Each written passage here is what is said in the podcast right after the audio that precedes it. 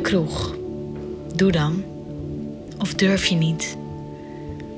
We hebben de laatste plek weten te bemachtigen in deze overvolle kroeg.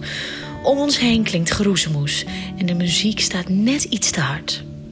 Ik zit op een hoge kruk in de hoek naast de kapstok die vol jassen hangt. Jij vond het niet erg om te blijven staan, zei je, en ik maakte geen aanstalten jou die kruk aan te bieden. Je jas heb je over mijn schouders gehangen, want ik had het koud. En nu sta je hier, tussen mijn benen in, met je armen om me heen. Je lippen op die van mij.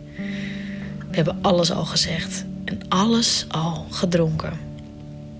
Natuurlijk durf je wel, zeg je.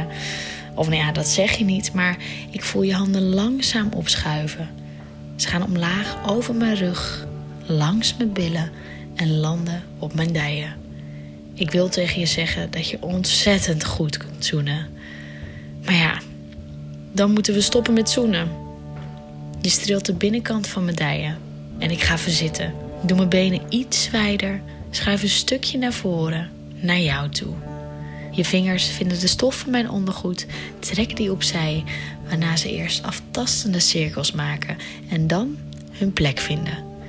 Je bijt zachtjes in mijn oorlel en ik voel je warme adem in mijn nek.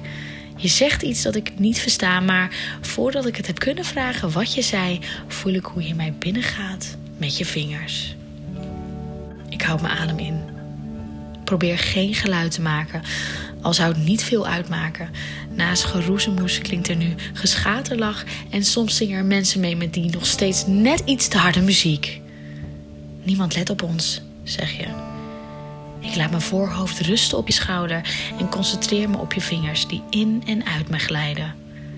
Ik trek je dichter naar me toe, zoen je weer, zeg dat je dat zo goed kunt en je begint me harder te vingeren en sneller. Kom maar, fluister je. Kom maar, kom dan. Je staat nu zo dicht tegen me aan dat ik mijn hand in je broekzak kan laten glijden. Je kan vastpakken door de stof heen.